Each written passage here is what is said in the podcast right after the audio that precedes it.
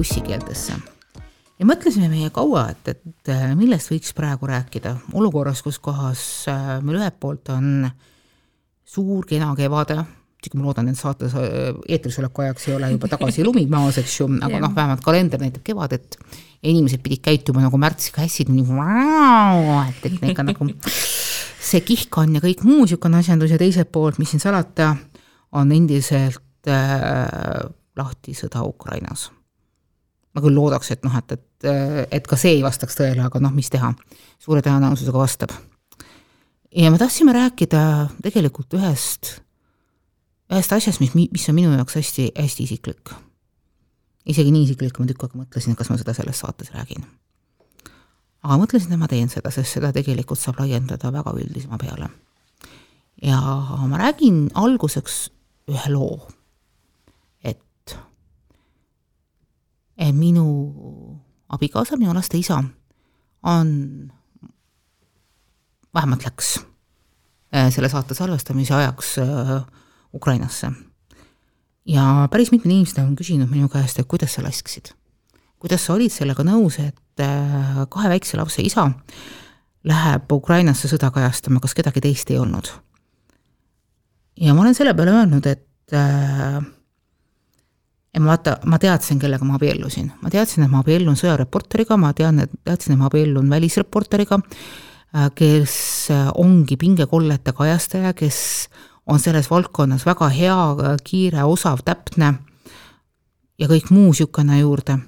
ja ma ei saa sellele inimesele panna kätt ette, kui ta tahab teha päriselt oma tööd. isegi siis, kui see võib olla tema jaoks ohtlik. sest et noh, mis asi on oht tänapäeval võib olla oht ka lihtsalt autosse istumine. enamus inimesi sureb üldse kodus voodis, eks ju. ja mitte sellest surmast ei taha ma rääkida, vaid sellest, et äh, mõnikord on hästi raske aktsepteerida oma partnereid sellena, kes nad tegelikult on. ja mõnikord tuleb selle nimel teha kompromisse, mida sa võib-olla sel hetkel ei taha teha või, või mis sa mõtled, et noh, et, et sa ei pea kunagi tegema loomulikult ma ju teadsin, et, et äh, kui on pingesituatsioonid, ta läheb sinna. ja ma ei ole elu sees öelnud talle, ei, sa ei tohi minna. ma tean, et väga paljud tema kolleegid, naised on öelnud, et ei, sa ei lähe sinna ja ta on, ja ta on kuulanud neid naisi ja ma saan ka nendest naistest aru. aga ma saan aru ka seda, et minu suhe ei oleks see, mis ta on praegu ja minu partner ei oleks see minuga, kes ta on praegu, kui ma ei lubaks tal käia või, või, või kui ma ei lubaks tal teha oma tööd eriti kui ma tean, et ta on oma töös väga-väga hea ja sellest tegelikult tõuseb laiemalt kogu ühiskonnale kasu. nii et, et vot, see on niisugune lugu äh, üksteisega aktsepteerimisest. Keit, mida sina sellest arvad? jaa, kuulasin sind ja mõtlesin, et kõik on ju väga õige, aga ma hakkasingi mõtlema, et mis saab ähm, sellisel juhul, kui sa lähed suhtesse kellegagi, kes veel ei ole kindel, mida ta teeb, kes veel ei ole nii-öelda valinud endale elukutset, et näiteks minul oligi see sama case, et ma olin ju kuusteist, kui ma oma eksiga tutvusin ja ta oli veel sellel hetkel lõpetamas, eks ole, oma mingit keskeriharidust ja ta ei olnud veel nagu noh, mitte keegi, ta ei teadnud ka, mida ta tahab teha oma eluga. ja mm -hmm. selle aja jooksul, kui me olime koos, ta tegi väga palju katsetusi erinevates valdkondades ja osati äh,, ma üritasin teda alati toetada, aga vahepeal ma ei suutnud teda toetada, sellepärast ma sain aru, et need ideed või need äh, ambitsioonid, mis tal on, on noh, kind of delusional, on ju. Mhm. et äh, et sellepärast oligi veel vahepeal tõesti tüliallikaks see, et tema väitis ja süüdistas mind selles, et mina ei ole piisavalt toetav ma teen kõik tema ideed maha, ma teen kõik tema ambitsioonid maha, ma ei toeta teda partnerina piisavalt. ja noh, siis mul oligi, ma olin nagu orkis omadega, sest ühelt poolt ma ju tahan olla toetav ja, mm -hmm. ja uskuda oma oma elukaaslasesse, aga teiselt poolt minu ratsionaalne mõistus saab väga hästi aru, et see on täielik idiootsus, mida ta nagu plaanib või kavatseb. et see oli, ähm, see oli jah, see oli selles mõttes, oli ka see suhe väga raske, et see, see, see oligi nagu üks pidev, pidev pinge ja stressiallikas meie suhtes ja noh, selles suhtes on väga hea, et ma enam ei ole sellises suhtes, kus ma pean pidevalt sellise probleemiga tegelema.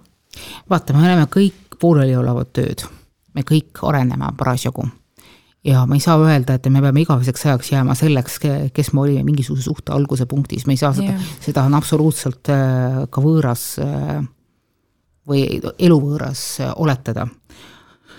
aga mis on nagu siin kohapeal oluline, on see, et, et kui inimesed võnguvad, nad on paari suhtes võnguvad, et nad võnguvad koos kaasa üksteisega, et nad äh, mõistavad üksteist ja nad aktsepteerivad seda ja sinu eks ju teadis arvatavasti, et sina oled väga sõnakalt enda arvamust väljendada oskav äh, inimene ja et, et sa oled väga hea peegeldaja ja sel hetkel ta otsustas sinu peegeldusi mitte uskuda, sellepärast et ta uskus, et, et temal endal on äh, rohkem õigus.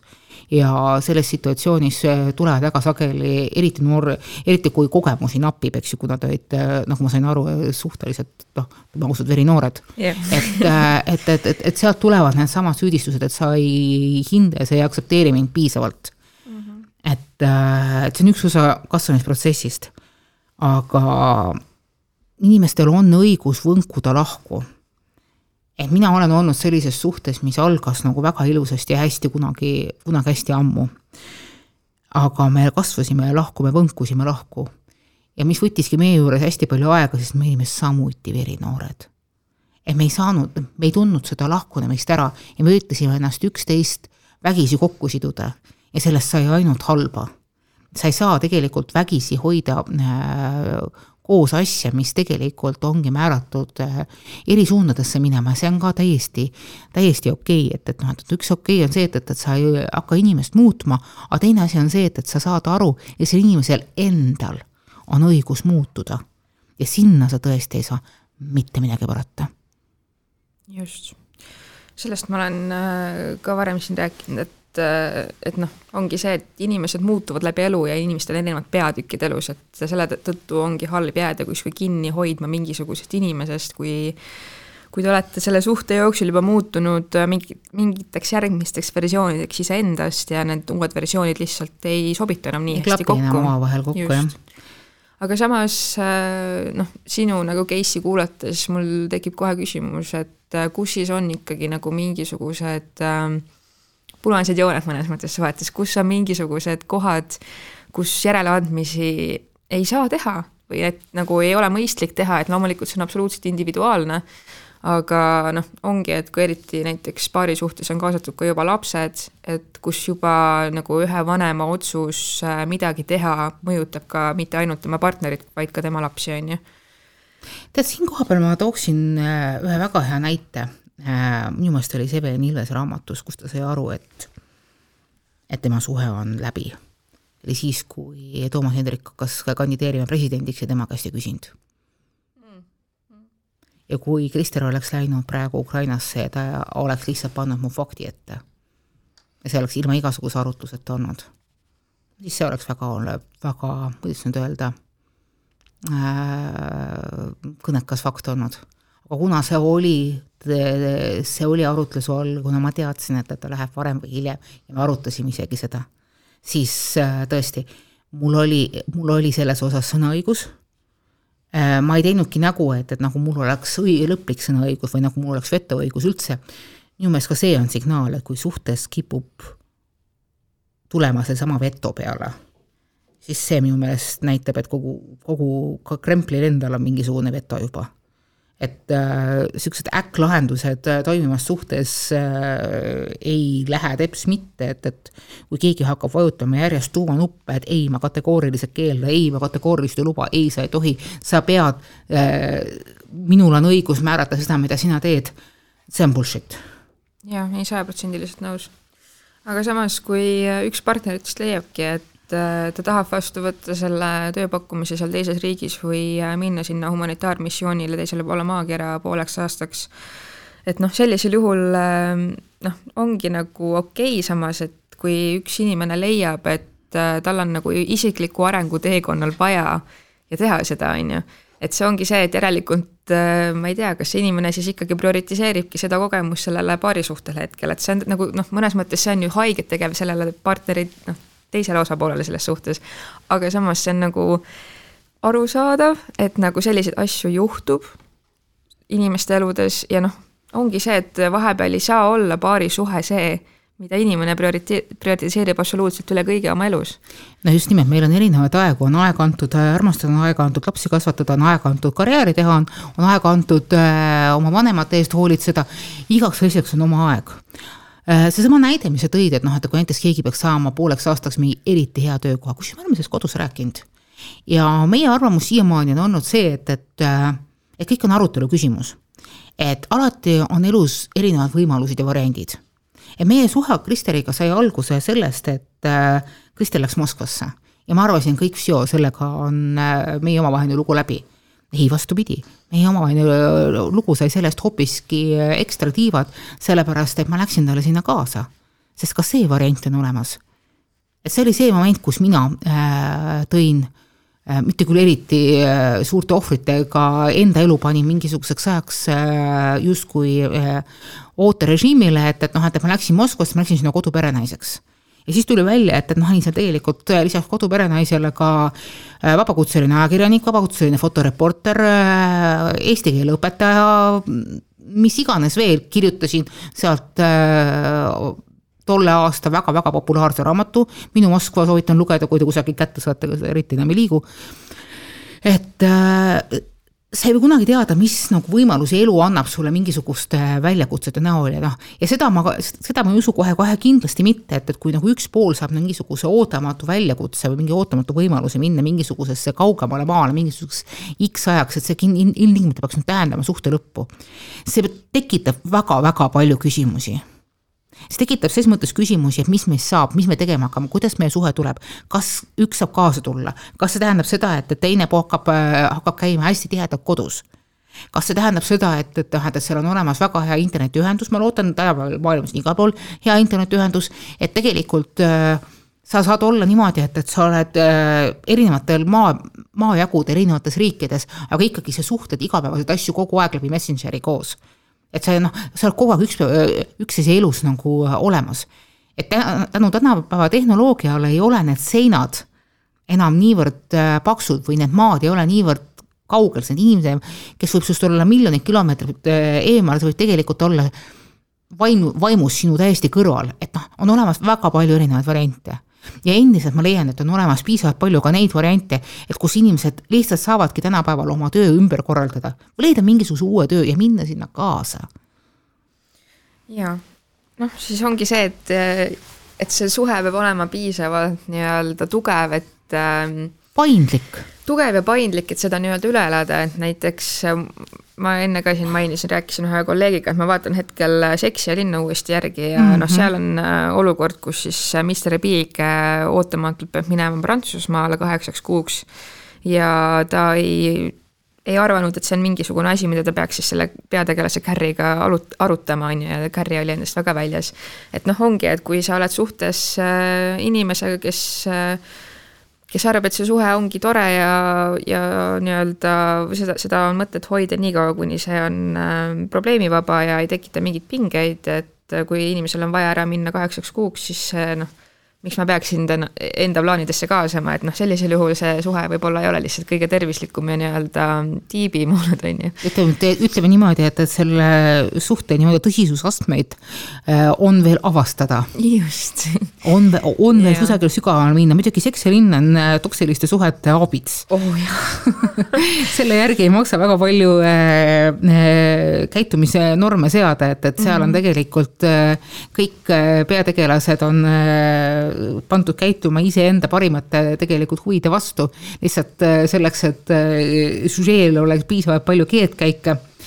et kunagi ma kirjutasin äh, vabandust, kunagi ma toimetasin ühte lugu ühe psühholoogiga, kes hindas kõiki neid Seksi ja linna nelja osasid, osatäitjaid. ja sa arva ära, kes sai kõige hävitavama hinnangu osaliseks? Harry. loomulikult, loomulikult, see on obvious, sest ta ongi väga mess, aga kui rääkida veel kaugsuhetest, siis äh, minu arust noh, ongi see, et on nagu erinevaid inimesi või ma olen kohanud inimesi, kes ütlevad mulle, et ei, et kaugsuhted nagu noh, see ole, see ole see ei ole teema, mida nemad üldse tahaksid, sellepärast mm -hmm. et äh, et nende jaoks ongi suhtel väärtus ainult siis, kui on, ongi nii-öelda see nii-öelda ka füüsiline lähedus asjal, on ju, et see Mhm. ei ole ainult see, et ma saan kellegagi rääkida ja ja et see on nagu sõbrasuhe nende jaoks rohkem, et nagu sõprussuhted üle, üle riigipiiride on okei okay,, aga nii-öelda lähisuhted äh, mitte, on ju. et noh, see on jällegi inimeste enda, enda nagu küsimus, et äh, ja et noh, ongi, et kui see suhe on piisavalt sügav ja see armastus mm -hmm. on piisavalt suur, siis ma arvan, et see nii-öelda lühiajaline kaugsuhe ei ole probleemiks, aga noh, see jällegi oleneb täiesti inimestest, et noh, täielikult et täiesti res- respekt inimestele, kes nagu julgevad tunnistada seda, et see nii-öelda Skype'i suhe või mis iganes ei ole lihtsalt nende teema. ega noh, näiteks jällegi äh, inimesed on pannud äh,, inimesed suudavad panna, panna toimima suhted, mis äh, mis ulatuvad üle maailmajagude ja riikide, kus üks pool elab hoopis teisel pool maakera ja kus kohas äh, kord ollakse siinpool ja kord ollakse sealpool ja vahepeal ollakse jah, võib-olla kuude kaupa lahus, aga siis ollakse jälle kuude kaupa koos. see kõik on tegelikult võimalik. Ja mina suhtusin ka kaugsuhetesse tohutu irooniaga, ei, need ei tööta ja kõik muu sihuke asjandus ega see minu Moskva algab sellega, et noh, et ma nüüd lähen Moskvasse, mõtlen nii, nüüd mind jäetakse maha või siis nagu mina pidulikult jätan maha või no ühesõnaga teeme sihukese ilusa romantilise sihukese nüh-nüh äh, lõpu ja, ja siis täpselt sel hetkel, kui ma arvan, et, et noh, et, et, et Krister hakkab minuga rääkima, et noh, asi ei toimi, siis ma saan abielu ettepaneku. mis tõmbab mul täieliku vaiba alt ära ja noh, esimene aasta, kui Krister oli Moskvas, oligi niimoodi, et noh, et Krister jäi Moskvasse ja mina tulin Tallinnasse tagasi, siis minul oli Tallinnas oma ajakiri, mida, mida toimetada. ega ma ei saanud ju kohe Moskvasse minna. ja ma sain, ma sain käia niimoodi, et ma käisin äh, teatud perioodide järel, et noh, et ma olin jälle kaks nädalat seal, siis ma olin mingi paar korda Tallinnas, siis ma olin jälle seal mingisugune kuu aega olin, olin koos temaga seal ja see kõik nagu tegelikult töötas, ta oli küll nagu mingil määral frustreeriv, aga see oli pigem niisugune positiivne stress. mul oli nagu midagi oodata kogu aeg ja kui ma olin nagu temaga koos, siis nagu iga päev oli kuidagi kokku pressitud, et noh, et, et, et nagu, nagu ekstra midagi head. aga see ei tähenda, et noh, et, et ilmtingimata praegu, kus meil on nagu niimoodi niisugune argipäev olnud juba, et, et see oleks nagu mingit pidi halvem praegu, ta on lihtsalt teistsugune. jah. Ma ise olen mõelnud, et minu jaoks võib-olla isegi niisugune mingi visiitsuhe või visiitabielu olekski nagu mingisugune ideaalne variant, vähemalt nagu praeguse põhjalt, sellepärast et ma armastan elada üksi, ma ei kujutaks mm -hmm. absoluutselt ette, et ma peaks praegu kellegi mingi mehega kokku kolima mm. -hmm. ei teiseks ma olen mingi mega antisotsiaalne ja väga introvertne, nii et mulle täiega meeldib olla üksi mm, -hmm. nii et äh, noh, ongi, ma enamus ajast tahakski olla üksi, lihtsalt vahepeal võib-olla ta tahaks seda vaimset ja füüsilist lähedust nagu, aga see ei olegi noh, sellepärast võib-olla mingisugune selline visiitsuhe olekski minu jaoks nagu tegelikult mõnes mõttes ideaalne, on ju. aga see ongi tuleviku Jah. märk tegelikult, ma kunagi rääkisin ühe psühholoogiga, ühe pereterapeudiga ja ma olen ka lugenud selle kohta paari käsitlust, et peremudelid on muutumises ja tuleviku peremudel suure tõenäosusega ongi see, et inimesed elavad visiitsuhet. et kumbagi on olemas oma ruum, oma territoorium ja siis saadakse kokku kas neutraalsel pinnal või üksteise juures selleks, et eh, siis omavahel noh, nagu kas siis, kas siis eh, seksida, kas olla mingit pidi teistpidi ühenduses. Ja see avab hoopis teistsuguse äh, lähisuhete dimensiooni. Et, et noh, et, et, et omavahel äh, on põimunud nii see sõbrasfäär kui ka see intiimsfäär ja see ei tähenda ilmtingimata, et noh, et kõik oleks omavahel meeleheitlikult sassis, vaid see ongi pigem see, et, et igaüks saab endale leida selle potentsiaalselt kõige sobivama variandi. Sest ma olen kuulnud väga palju sedasama juttu, mida sina praegu, Keit, rääkisid, et äh, inimesed väärtustavad tohutult oma isiklikku pinda. Ja mitte ainult siuksed äh, keskealised elus pettunud tegelased nagu minu põlvkond, eks ju, neljakümnendates, viiekümnendates olevad inimesed, vaid just noored kahekümnendates, kes on kes juba praegu oskavad näha, et, et kui oluline on äh, see, et sa saad enda rahulikus mingisuguses kookonis või pesas äh, tagasi tõmmata. Et noh, mina näiteks täiesti ennustan tulevikus äh, sellist pe- perekonnamudelit, kus kohas inimesed arvatavasti, kui nad hakkavad perekonda looma, ja nad jäävadki kumbki omaenda pesasse või nad vahetavad need kokku kusagile hästi lähedale või nad isegi nad võib-olla ostavad ühe pesa, aga kummagi jäävad sinna mingisugused oma nurgad sest see tegelikult ei ole üldse halb, et inimene väärtustab iseenda ruumi. et ma olen, ma olen omaenda elu peal äh, kogenud seda, et, et kuivõrd äh,, kuivõrd negatiivne võib olla see, et, et noh, et kui inimeste isikliku sfääri, kui su isiklik sfäär kattub sada protsenti sinu partneri sfääriga tähendab seda, et, et, et sinna ei tule enam uut energiat juurde. et te hakkate kordama üksteise mõtteid, vigu, äh, möödalaskmisi, äh, äh, need energiad ei saa vabalt liikuda. ja kui sul on natukenegi erinevad need energiasfäärid, et siis see tegelikult, see suhe töötab nagu märksa paremini kusjuures, kui ma alguses kolisime kokku äh, Moskvasse nii-öelda võõrasse linna, kus kohas minul ei olnud nagu alguses mitte midagi teha ja Kristril oli tohutult palju tööd, siis meil oli täiesti tõsine jutuajamine sel teemal, et Manona, mida sa tegema hakkad? et sa ei hakkaks praegu istuma ja ainult minu elu elama. et, äh, et sul oleks nagu mingisugune asi, mis on sinu oma ja ma nägin sellega ikka päris korralikult vaeva, et, et noh, ma otsisin endale erinevaid töid, ma võtsin absoluutselt kõik mingisugused väikesed tööotsandused ära ma kasvõi jooksin kaameraga äh, Kristelil äh, tuules, et noh, et, et, et teen siis nagu mingisuguse fotoreportaaži kasvõi ainult iseendale. hiljem ma sain need kõik kusagile maha lükatud. ma otsisin iseendale tegevust, mis oleks minu oma. et sa pead alati nagu hoolitsema ka selle iseenda ruumi eest just, ja minu arust aina levinum tänapäeval on ka see, et, äh, et elukaaslastel või abikaasadel on eraldi magamistoad et inimesed äh, tahavadki magada sellises toas, nagu nemad tahavad, sellisel madratsil, nagu nemad tahavad, nii kaua, nagu nemad tahavad ja sellisel kellaajal, nagu nad tahavad. Ja sageli noh, inimeste päevarütmid ja öörütmid ja unerütmid ei mm, -hmm. ei ühti lihtsalt enam mm. -hmm. et äh, samas ma olen näinud vastukaja, kus inimesed ütlevad, et ei, et issand, see ju ilmselgelt näitab seda, et see on ju suhte lõpp ja intiimsuse lõpp ja et noh, ongi, et äh, et noh, samamoodi mingisuguse indikaatorina kasutatakse justkui ka seksi, et äh, umbes, et kui, kui sa nii palju ei seksi või kui sa nii kaua ei ole seksinud oma partneriga, et see näitab seda, et ikka mm -hmm. suur probleem on suhtes suur,, suur-suur probleem on mm -hmm. Suhtes, on ju et nagu ma ei tea, et nagu kui inimesed leiavad, et mingisugune lahendus on parem, siis nagu see on okei okay.. kui see nende jaoks et töötab. just, miks see peab olema mingisugune hirmuallikas justkui, et et kuule, oleme nüüd ausad teineteise vastu, et sulle meeldib magada nii ja mulle meeldib magada nii, et see lahendus hetkel oleks kõige parem see, et meil on eraldi magamistoad, et kas peab selles nägema siis tonti, et suhe on läbi ja intiimsus on läbi ja lähedust ei ole. ja tuleb meelde, kuidas mingisugune kümmekond aastat tagasi oli minu jaoks äh,, tunnistan, tõsine draama see, et, et kui Kristel palus, et kas ta saaks eraldi teki. mille peale mina küsisin, issand jumal, mis nüüd on, et noh, et, et, et kas nüüd enam, et kas nagu, kas on, kas, kas, kas meil on mingisugune probleem, siis ei, meil ei ole probleemi, aga ma tahan oma tekki saada. et noh, see on samamoodi nagu mul on oma padi. just, jah. ja noh, mina tahan koos magada, mulle meeldib see, mulle meeldib kellegi, ma noh, mulle, mulle, mulle meeldib tunnetada oma partneri energiat minu kõrval, kui ma magan. ma tunnen ennast läbi, läbi selle mingit pidi turvalisena. et võib-olla see on nagu minu mingisugune lapsepõlve mälestus, et, et noh, et mul on vaja inimesi enda kõrval. see on mingisugustes väikestes korterites üles kasvanud nõukaaegsete laste mingisugune kiiks, ma ei oska öelda, mina tunnen ennast siis hästi aga ma saan sellest täiesti aru, et, et noh, et, et, inimene, kes su kõrval magab, võib sind väga korralikult segada. aga õnneks on tänapäeval selle kohta igasugused niipid, et sa saad osta endale korraliku madratsi, mis on sellise tehnoloogiaga, et, et sa võid seal kõrval hüpata ja seal kõrval see madratsid ei, ei tee mitte kui midagi. mina kusjuures hankisin endale sellise jumalast hea investeering ma ei hakka reklaami tegema rohkem.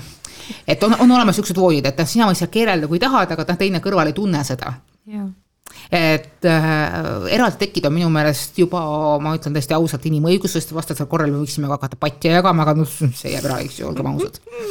ja, ja, ja see ka, see suhteterror, mida ma olen paar korda kusagilt ikka mingi, mingisuguste paarinädalaste vahedega kusagil mingist lollakatest foorumitest loen, on see, et, et issand jumal, mina tahan magama minna, mees ei lase, et et miks me ei võiks koos filmi vaadata ta vaata üksi seda filmi. kui üks tahab magama minna, siis läheb magama ja siis tuleb teine järgmine ja siis ei pea minema ilmtingimata ühel ajal magama aga millal siis seksi saab, hommikul saab kasvõi, ma ei tea, keset päeva saab.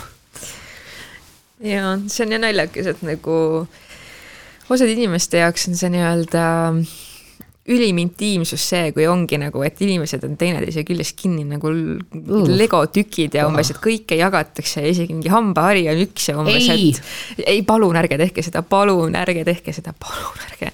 aga lihtsalt nagu see on nii naljakas, kuidas tõesti nagu ma ei tea, mingid äh, väikesed asjad, äh, kuidas muuta suhet paremaks ja ikkagi nagu anda indiviididele ruumi, keskkonda juurde, see on osade inimeste jaoks nii suur mingi ohumärk ja suur mhm. tule tu,, suur punane tuluke kuskil vilkumas, et oh my god ja ma pean selle juurde tunnistama, et, et noh, et, et kui see, kui noh, kui jällegi teie juures, teie jaoks on vastupidi, et te just tahategi ainult kaisus magada ja üksteisest käes kinni hoida ja ühe teki ja padja magada, siis te ei pea sellest pärast, sellepärast ennast halvasti tundma. kui teie suhe toimib, siis jumala eest, laske käia. päriselt, ma ei hakka nüüd ütlema, et, et noh, et, et mina ei ole see, ühesõnaga mina ei ole see magamistoidu, magamistoa politsei, et, et noh, et nüüd tohib nii olla ja, ja niipidi ei tohi olla, et, et hea kõik, mis inimestele rõõmu toob. just, ja ju suhe muutub ka ju läbi, läbi aja, et äh, kui suhte esimese poole aasta jooksul ongi tunne, et tahaks kogu aeg olla, rippuda oma partneri küljes ja tema käest kinni hoida, siis noh, pärast kolme aastat enam võib-olla igapäevaselt ei ole seda tunnet, et mm -hmm. ongi tekkinud jällegi see mingisugune harjumine ja, ja nii-öelda see turvatunne, et ma ei pea kogu aeg kellestki kümne küünega kinni mm -hmm. hoidma, et ta on mu kõrval olenemata ka sellest ja kui see teeb suhte teie jaoks mingit pidi sõpruseks, siis äh, soovige endale õnne Yeah. sest hea suhe ongi tegelikult väga sugav, äh, väga sügav, intiimne ja hea sõprus. sa peadki olema oma partneriga kõige parem sõber maailmas. just aga selle jutuga seekord tõmbame otsad kokku, järgmine kord räägime teisi toredaid asju. palun kuulake ussikeeli, kuulake meid SoundCloudis, kuulake meid Spotify's ja palun kirjutage meile ussikeeled, et ohtuleht.ee. ja palun armastage end ja armastage oma kallimaid ja olge sõbrad nii endaga kui enda teil, kui ka nendega. just, kohtumiseni. thank you